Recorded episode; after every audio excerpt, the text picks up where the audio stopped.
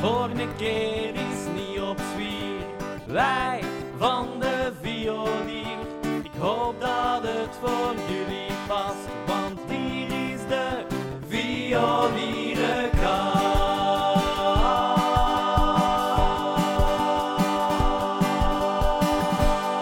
Allee, begint erom! Welkom bij de Violierencast, de podcast waar we elke aflevering op zoek gaan naar verhalen over het reilen en zeilen van Koninklijke Toneelvereniging De Violier. Ik ben Sander En ik ben Senne. en vandaag hebben wij niet één, maar twee gasten uitgenodigd. De eerste is een jonge vrouw die als kind haar carrière startte in het stuk Divas in 2013. Ondertussen is ze niet alleen actrice, maar ook secretaris van De Violier. De tweede is een joviale jongeman die startte in 2012 met het stuk Brand. Als vaste waarde binnen de violier is hij niet meer weg te denken in het dagelijks gebeuren van de kring. Als ik het goed heb, zijn ze ook heel goede vrienden van elkaar. Welkom, Lene en Milan. Hallo. Hallo. Hoe is het met jullie? Goed. Goed, ja. Met jullie? Ja, ça va. Hebben we stress? Valt mee. Ah, top. Ja, het was ook wel plezant dat je zo weet... Oké, daar gaan ze hun een beetje op richten. Eh, dus dat is wel leuk, dat je een beetje kunt voorbereiden. Alright. Heb je de vorige aflevering geluisterd? Ja, absoluut. Heel leuk. Eerste ervaring met podcast? Ja, absoluut. Ja, ja.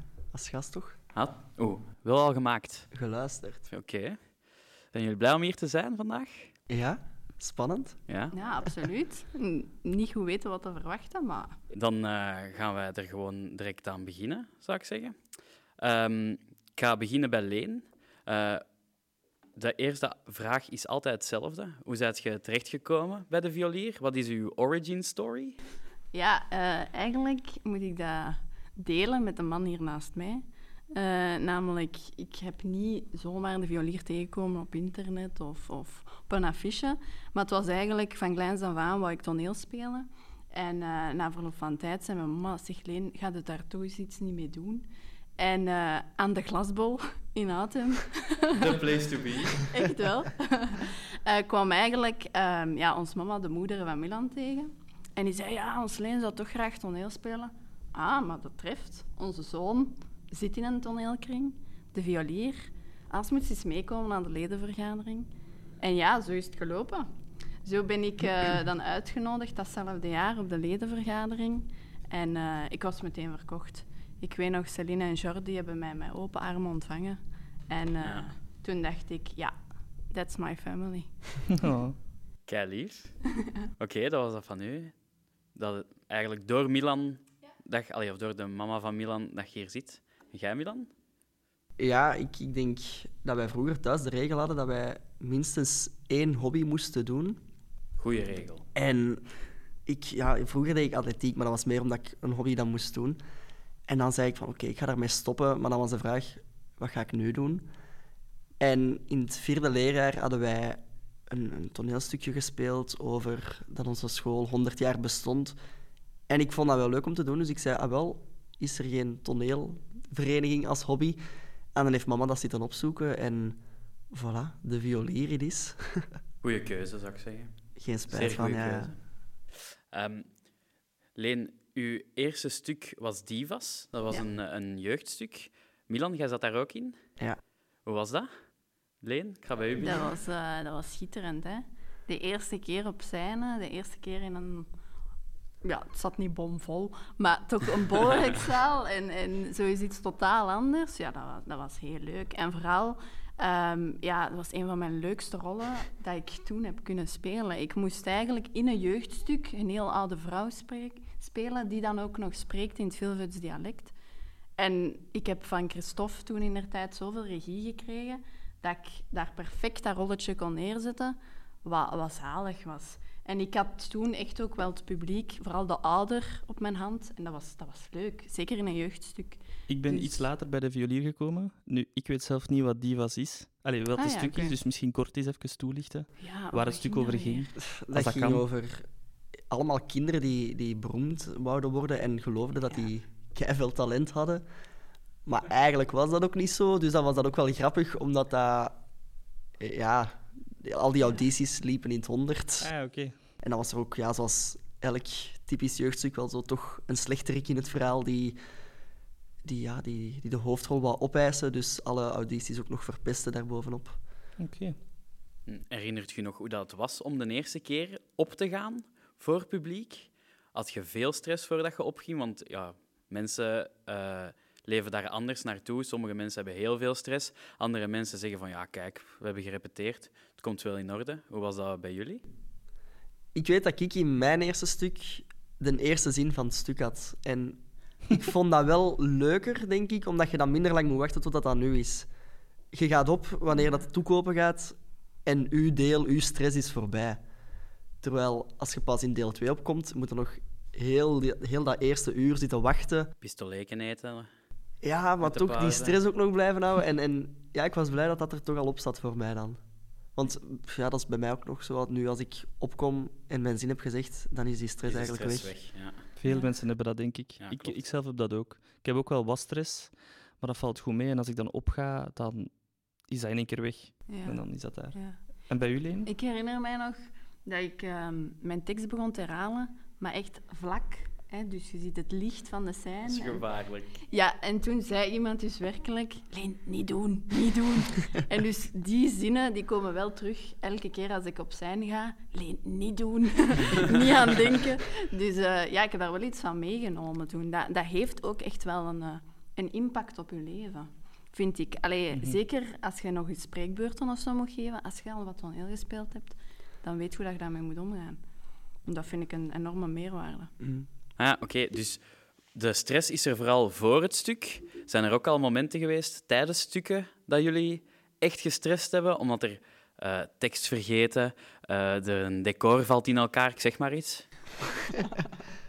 Ja, zo erg nog niet, maar ja, de typische momenten, stress vergeten of dat je plots beseft, oei, wij zitten vijf pagina's verder eigenlijk al in het stuk. Eh, ja, en dan is het ook altijd leuk als je dan zo'n keer naar boven in de zaal kijkt waar dat de, de techniek zit, om dan die mannen bij een klein lampje te zien bladeren in hun brochure van, waar zitten die Dus plots? je hebt nog tijd om tijdens dat je aan het spelen bent, volle zaal, nog even te kijken naar Ja. boven hoe ze aan het volgen... Ja, En zo krijgt rest stress, hè. En hoe gaat het daar dan mee om? Is dat, gaat dat terug naar waar je waart, of hangt dat van situatie tot situatie af? Goh, ik denk het belangrijkste is ja, je cool te bewaren. Hè. Je publiek mag niet zien dat je de mist bent ingegaan. En waar dat je kunt of waar dat je een poging ziet om dat toch terug op het rechte pad te krijgen. En ik ben eigenlijk een beetje van die tactiek, van zo cool mogelijk te blijven en vooral door te gaan. Maar ik weet nog, hebben dat, maar ik weet niet of dat tijdens een opvoering was, maar ik zat eens op en ik mocht niet opzitten. Ja, Diezelfde scène ging er over mij geroddeld worden. En wat heb ik gedaan? Ik ben in mijn boekentas gebroken. Allee, ja, gekropen eigenlijk, om, dat, om te duiden, ik ben hier niet hoor. Ja, dat was het niet. Zo moet het niet. Maar ik denk niet dat dat tijdens een dat opvoering was bij een generale, denk ik. Ja, dat zijn de generalen. Daarvoor zijn er, ja. Ja, maar Ja. je merkt ook wel heel vaak als je dan achteraf met mensen spreekt die zijn komen kijken, die hebben daar niks van gemerkt. Jij bent aan het doodgaan op het zijn en achteraf komt die in, alleen in de bolbar en dan zeg je dat, oh, dat was niet goed, of je hebt dat toch gemerkt, tuurlijk, dat kan niet anders. En, oh, nee. Ja. Dus dat is ook wel altijd ja, sterven voor niks eigenlijk vaak. Ja, je bent zelf natuurlijk al zo lang bezig met dat stuk. Kent dat van binnen en van buiten, maar iemand dat dat voor de eerste keer ziet, heeft geen idee wat er moet komen. Dus dat geluk hebben we dan. Ja. Ehm, ondertussen zijn jullie ongeveer tien jaar bezig, denk ik. Allebei ongeveer. Ja, hij eentje, een jaartje langer. Een jaartje langer. Eh, wat was voor jullie het tofste om te doen? Bij mij is dat eigenlijk redelijk tweezijdig. Namelijk, allereerst is dat mijn eerste rol. Mhm. Namelijk, ja, mevrouw Zwinkels in de Divas. Een topnaam ook, hè? Mevrouw Zwinkels. Ja, maar dat was... En ook, hoe zag ik eruit? Mijn haar in, in, in alle staten, crocs, een bomma-kleed. Mijn eerste jeugdstuk. Zo'n boodschappentas En vol dan- met wortelen. Ja, Even schetsen, hoe oud werd jij toen? Eh, ah, 2013. Oei, nu moet ik beginnen rekenen.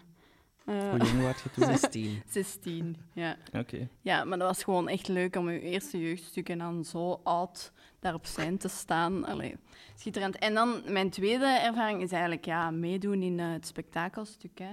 Ik was 24 in 1940. Ondanks dat je daar een rol hebt die meegaat eigenlijk hè, in het ensemble en, en, en die eigenlijk gedragen wordt door veel anderen, is het gewoon echt zo'n eer om daarin mogen te meespelen. En dat we dat vier keer ook hebben mogen spelen, vond ik enorm, enorm terecht. Maar vond ik ook allee, zo leuk. Ik weet nog dat ik zo fier was. Hé, je komt dat zien, je komt dat zien. Ehm, ja, dus ik denk die twee zijn voor mij wel eh, ja, memorabel. En Milan? Ja, bij mij... ah, Er zijn veel stukken waarvan ik denk, die wil ik nog eens spelen, maar ook twee die dat er wel uitspringen. En één, La Boîte à Zazou.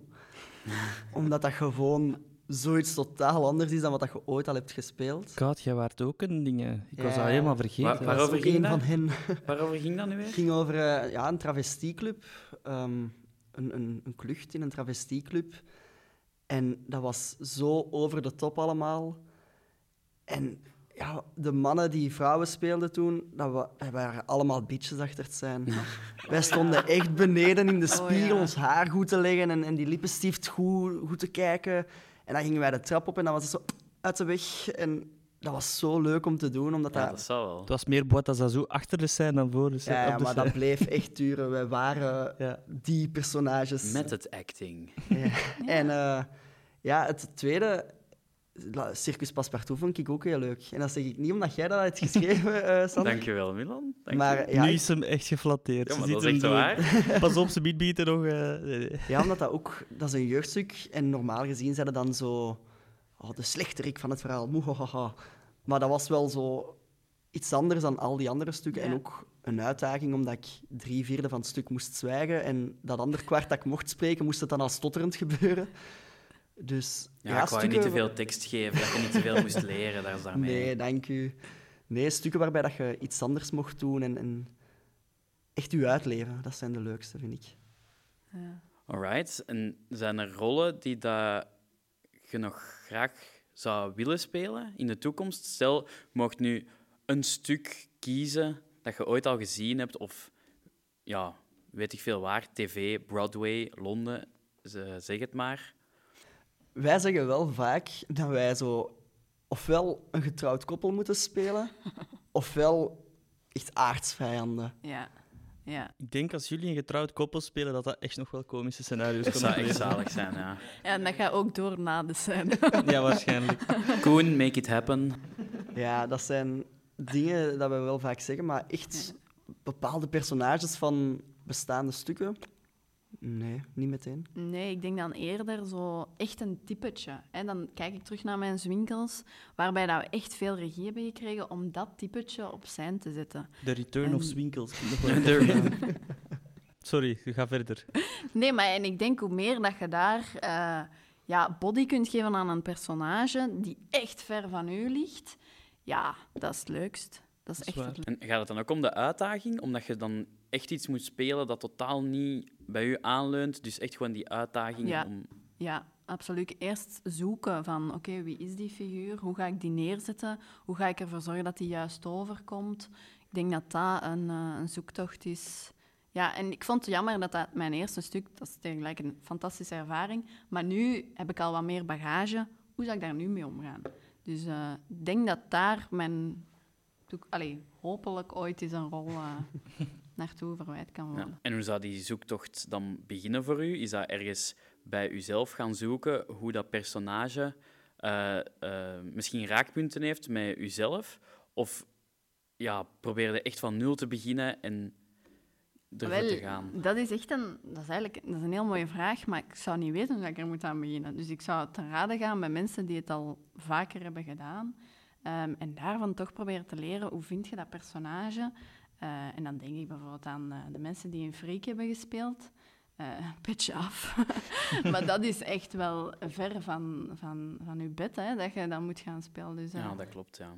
dus dat zijn zaken, maar ik denk dat daar uw regisseur als ook uw medespelers enorm van belang is om mee dat karakter op zijn te zetten. ja. En Milan, in Circus Passepartout waren toch ook een soort van typetje? Je was er een clown die dat eh, niet wou praten omdat hij uiteindelijk stotterde. Hoe zijt je daar eigenlijk aan begonnen? Want ik kan me herinneren, ik ga nu een compliment smijten naar u, Milan, eh, dat ik daar niet veel aan heb moeten doen.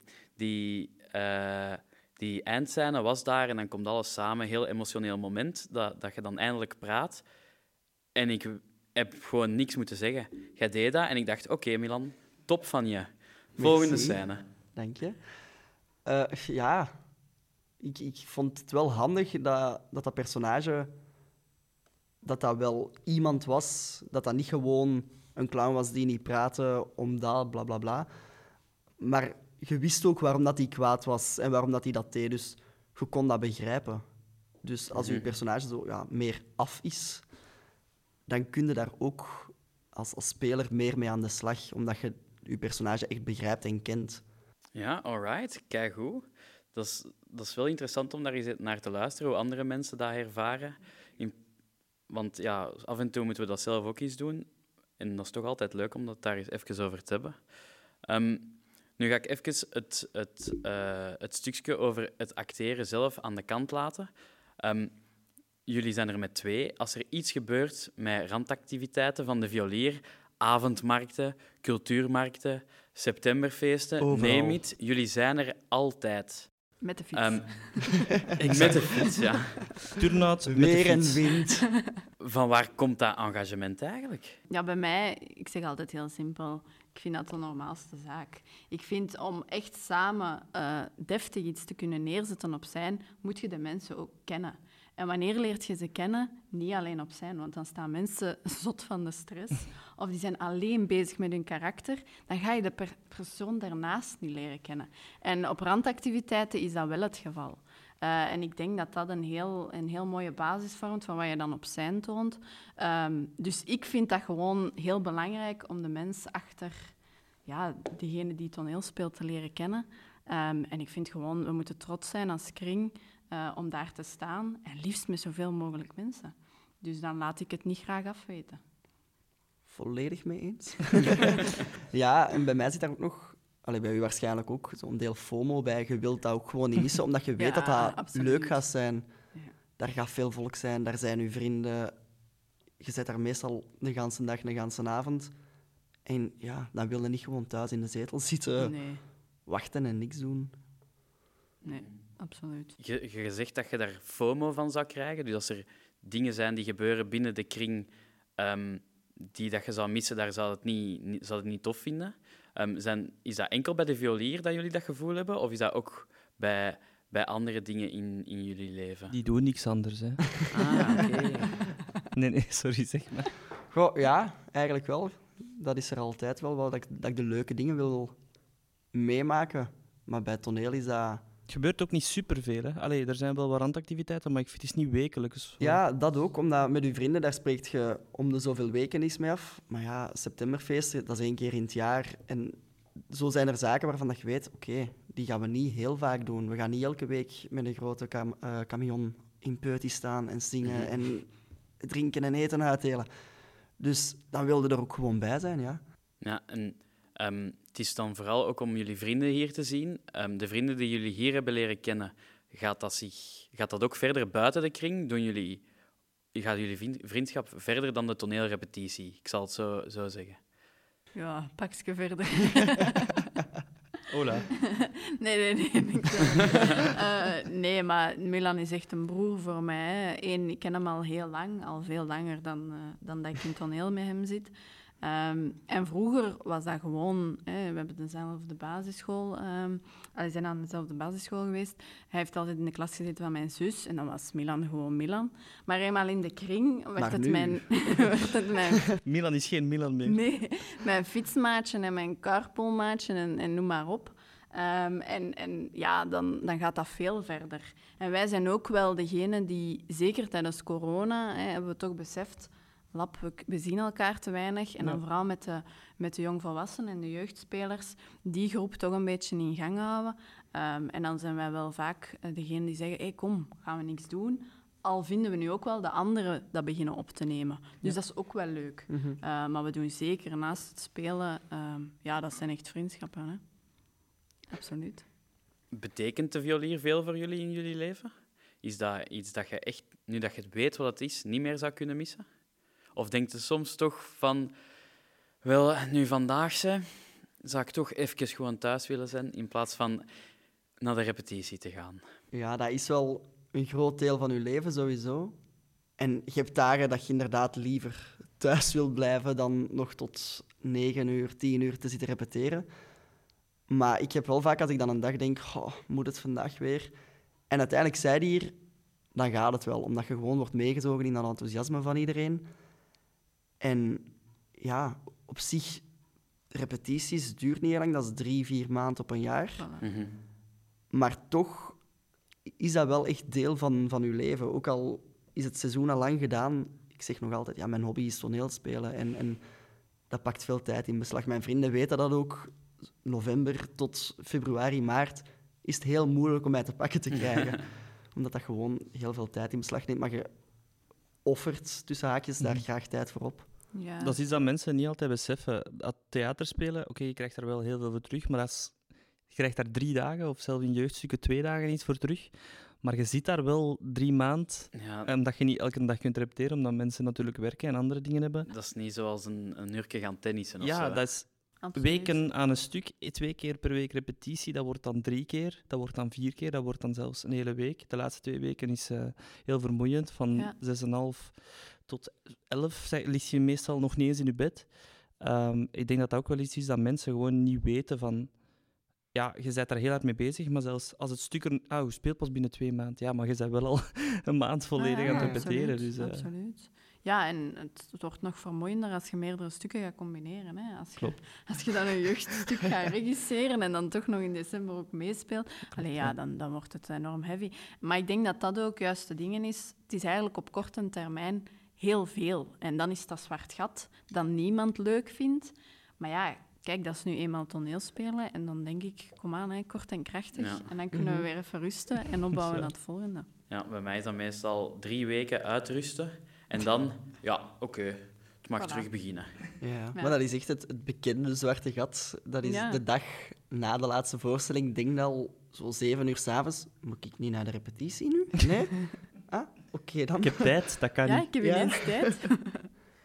Ehm, Milan, ik ga je even aan de kant schuiven nu. Sorry, ik ga het even, even een uh, babbelje doen met Leen voor een paar vragen. Nu komt het. Ehm, zoals ik al zei met een intro, uh, zijt jij niet alleen uh, actrice, maar ook uh, secretaris van de kring.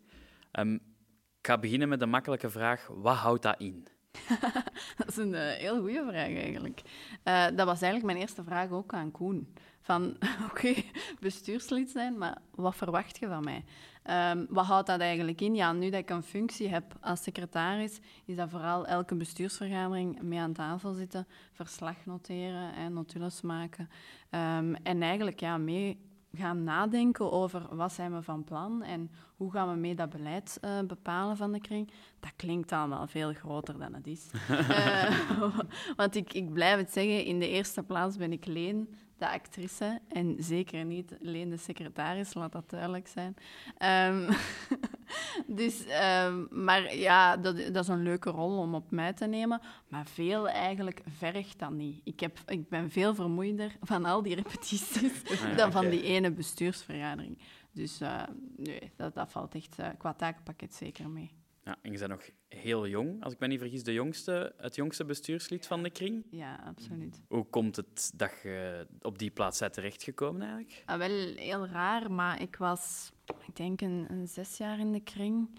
En uh, nee, nee, dan ja, ja, zes, zeven jaar. En ineens kreeg ik een telefoontje op een avond van Koen. Koen had mij nog nooit gebeld. En uh, ineens belt hij mij, alleen ik wil u iets vragen. Ik dacht, hey, wat heb ik nu weer gedaan? en uh, ik weet nog dat ik naar Mila gestuurd had. Koen wil mij bellen. Stress, um, paniek. ja, en uw vader mag meekomen. Ik dacht, oh. um, Oudercontact. ja, het leek zo echt. Um, en dan heeft hij in de lodge uh, heeft hij dan gevraagd van, kijk, door uw engagement, door de manier waarop, dat wij, ja, allee, waarop dat jij in de kring staat, zien we dat wel in u. En ik heb even wel bedenktijd gekregen, al was dat voor mij niet nodig, want ik geloof enorm in de kring. En dat was voor mij genoeg om te zeggen, oké, we doen dat gewoon. Daar was toen nog geen functie aan gekoppeld. Dat was gewoon bestuurslid. Ah, okay. um, alleen eenmaal dan de, de, eerste vergadering startte, met een heel klein hartje ging je daar naartoe, um, dan werd ook het ontslag van Carina aangekondigd. En zo ben ik automatisch in de functie gekomen van secretaris. Ah, ja, okay. Maar dat is eigenlijk nooit, dat is een automatisch gegeven geweest. Um, maar ja, dat, zo is het eigenlijk gelopen. Um, dus ja, een heel natuurlijke weg. um, en wat vind je daar nu eigenlijk leuk aan, aan, aan uw taak als bestuurslid? Ja, dat Want is... eh, ik denk, allee, ik zelf ook, ik kan me niet zo goed inbeelden wat dat, dat allemaal inhoudt. En of dat, dat überhaupt leuk is om te doen. Ik vermoed van wel, want anders zou niemand het doen, denk ik. Ehm, dus daarom die vraag. Ja, nu, kijk, het is eigenlijk heel simpel. Hè. Eh, soms zou je kunnen zeggen, we schaffen dat bestuur af, want één, dat geeft een bepaald orgaan in de kring dat eigenlijk intrinsiek niet nodig is. Allee, we zijn allemaal mensen, we hebben allemaal een mening, ehm, maar je hebt dat wel nodig, want je bent een VZ2 en anders zijn de wettelijk niet in orde. Ehm, dus eh, dan moet je bepaalde mensen in die functie gaan stellen. Ehm, nu, daar ik vind, ben wel blij dat ik er uiteindelijk in zit, aangaande dat er een spreekbuis is vanuit de jeugd en vanuit de jongvolwassenen. Ongeacht, ik ga de mensen niet schofferen, maar inderdaad, ik ben daar te, ver de jongste. Ehm, en dat maakt ook dat ik vaak ook het perspectief van de jeugd binnenbreng in die vergaderingen. En dat geeft echt wel een nieuw licht. En dat, dat was ook Koen zijn doel. Ehm, en dat is, dat is zeker gelukt. Wat vind ik daar leuk aan? Ja, mee het beleid bepalen. Mee kunnen zeggen, oh, maar zo zie ik het toch niet. Ehm, en constructief naar oplossingen zoeken als er problemen stellen. Ehm, dat, is, dat is allemaal leuk. Wat is minder leuk? Ja, eh, elke job heeft voor- en nadelen. Dat is waar. En eh, ik denk deze ook. Hè. Je moet zien, het verslag moet af zijn. Je moet zien wat genoteerd. Uh, want dat kan allemaal... Allee, ja, het gaat over wettelijke documenten. Um, op het einde van, de, van het seizoen krijgen we dan onze algemene vergadering, waar dat de boeken moeten goedgekeurd worden. Ja, dat zijn cijfers. Allee, leuk is dat niet. We koppelen daarachter dan wel een etentje, dus dat is dan wel weer leuk. Top. Dat is cool natuurlijk. dus dat, dat is dan wel tof. Um, maar ik zeg het op dit moment ook gewoon niet te zwaar aan tillen. Ik zit daarin, maar eigenlijk... Ja. Volgende keer mogen we niet meer zeggen op de repetitie: Oh, de secretaris is daar, allemaal kop in kas. Je mag dat zeggen, maar. Nee, Het is vooral wij dat dat hier zeggen. We zouden het alleen doen om u te triggeren. hè. Ja, voilà, voilà, voilà. Ik ga terug even helemaal opentrekken. Um, er zijn een aantal jaren geweest die niet zo tof waren voor het theater en allee, voor cultuur in het algemeen eigenlijk en voor iedereen en alles. Ik weet niet Eh, wat je gaat zeggen nu. Nee? Nee. Dat was zo een virusje, corona. Um, hebben jullie toneel gemist? Goh. Dat is voor mij wel echt een... Uh, ja, ik heb toneel op dat moment niet gemist, omdat wij massaal veel aan het vergaderen waren. Wat moeten wij doen met de kring? Zijn er alternatieven? Uh, dus bestuur is echt wel gaan nadenken. Oké, hoe kunnen we dat hier doen? En we zijn ook bezig geweest met dat lokaal. Dat heeft echt ook wel wat, wat grond in de aarde gehad. Dus ik, ja, nee, op dat moment niet. Maar het spelen, uiteraard. Uiteraard wel, ja. Dat, dat wel. Ja, ik vond dat vooral heel raar om dan in, in de periodes dat je normaal zou spelen, om dan dat weekend te beseffen. Ah, ja. normaal zouden wij nu aan het spelen zijn. Het is acht uur, ja, normaal zijn wij nu bezig. En ja, dat is jaren geleden dat, dat ik een leeg eerste weekend van februari en maart en december heb gehad. Dus dat is wel zeker iets dat, dat gemis is, maar ook gewoon elkaar. Ja. Je ziet elkaar zoveel op repetities en alles daar rond, dat dat plots ja, heel vreemd is om amper iets van elkaar te horen of elkaar niet meer in te mogen zien. Ja, en dat hebben wij vooral opgevangen door Skype-momentjes tot in de late uren. Ja. Kijk. Zoals iedereen, denk ik. Hè? ja. um, dus theater sowieso gemist. Nu zijn we terug, eindelijk. Uh, ik ga hout vasthouden, want vorig ja. jaar hebben we ook maar uh, twee weken voor het stuk mm -hmm. in december uh, beslist om niet te spelen, jammer genoeg. Um, maar dit jaar doen jullie terug mee. Yep. Uh, waar kunnen we jullie in bewonderen dit jaar? Oh, wat weten we eigenlijk al? ik weet sowieso, ik speel in december. Dat weet ik. Ik mag ook en eens opkomen. Jij mag ook opkomen. ja, beide in december. Uh, en welk stuk is dat? In uh, Tes wat is. Het Wilvelds theater dat terugkomt. Tickets nu verkrijgbaar via de website deviolier.be. Ja, absoluut. Hè. Dat is de ideale binnenkomer terug om de violier op de planken te zien. Dus ja, zeker, allen daarheen, absoluut. En ik denk dan, ja, het jeugdstuk, maar ik vermoed dat we iets ja, te oud zijn. Daar is nog geen titel voor, ook niet, denk ik. Hè? Nee. nee. nee. Ja, Nee. Ik, ik, ik ga er nog altijd vanuit van, als ze mij vragen, wil ik altijd graag helpen, maar er zijn anderen die meer jeugd zijn nu dan ik ondertussen. Ik ken het gevoel, als jullie dat al vinden. Maar het is telkens wel een compliment als je gevraagd wordt voor het Ja. jeugd. Het is ook dat- nog leuk om te doen. Ja, het is niet dat je zo het gevoel hebt, oh, ik zit hier bij de jonkies. Nee, nee. En dan maart, ja, waarschijnlijk ehm, worden we... Ik weet, ik weet het eigenlijk niet. Ik, ik baseer mij een beetje op de ledenvergadering en daar is gezegd, wie wilt spelen, speelt. Ja, tuurlijk, speel graag mee, Dan maar... spelen we mee. Hè. Dan Dus- zijn we er. Als het moet. Nee, nee. Nee, ja. eh Air Camping 2.0. Ja. Ja, dacht dat het een iets andere titel ging hebben deze keer. Een bewerking van Johan, als ik me niet vergis. Ja. Mhm. Die gaat nog wel eens te gast zijn hier in de podcast in, Ah, eh, in deze. Ehm, Oké, dan zijn we er eigenlijk door. Ehm, nog een laatste vraagje misschien. Wat mag ik jullie nog wensen binnen de kring? De volgende jaren of het komende jaar? Oh, gewoon spelen. Ja. Gewoon spelen? Echt waar. Ik denk, we hebben zo lang stilgezeten. Spelen en terug genieten en een lach horen in het bolwerk. En geen mondmaskers. En ja, gewoon dat. Terug het oude. Ik, ik verwacht eigenlijk niet veel meer. Ik, Mhm. ja. Het plezier terug. Het, het niet moeten nadenken van, oh, mag ik naar de repetitie? Mag ik toneel komen kijken of spelen? Gewoon alles op, op zijn violiers, op het gemak, met de nodige lach erbij. Dat vind ik een hele mooie om eh, mee af te sluiten. Ehm, merci voor te komen. Ik vond het zeer aangenaam. Dank Heel graag gedaan. Leuke podcast. En dan rest er mij enkel nog om de luisteraars te bedanken. Ehm, als jullie feedback hebben, mogen jullie altijd mailen naar podcast.deviolier.be en dan, ehm, ja, dan reageren wij gewoon terug op jullie. Ehm, bedankt voor het luisteren en tot de volgende keer. Zeker. Salutjes. Tada. Volg de violier zeker op onze socials. k.t.violier op Facebook, at k.t.violier op Instagram en op ons YouTube-kanaal. Meer informatie over onze kring kan je vinden op www.deviolier.be. Bedankt voor het luisteren en tot de volgende keer bij de Violierencast. De pionieren.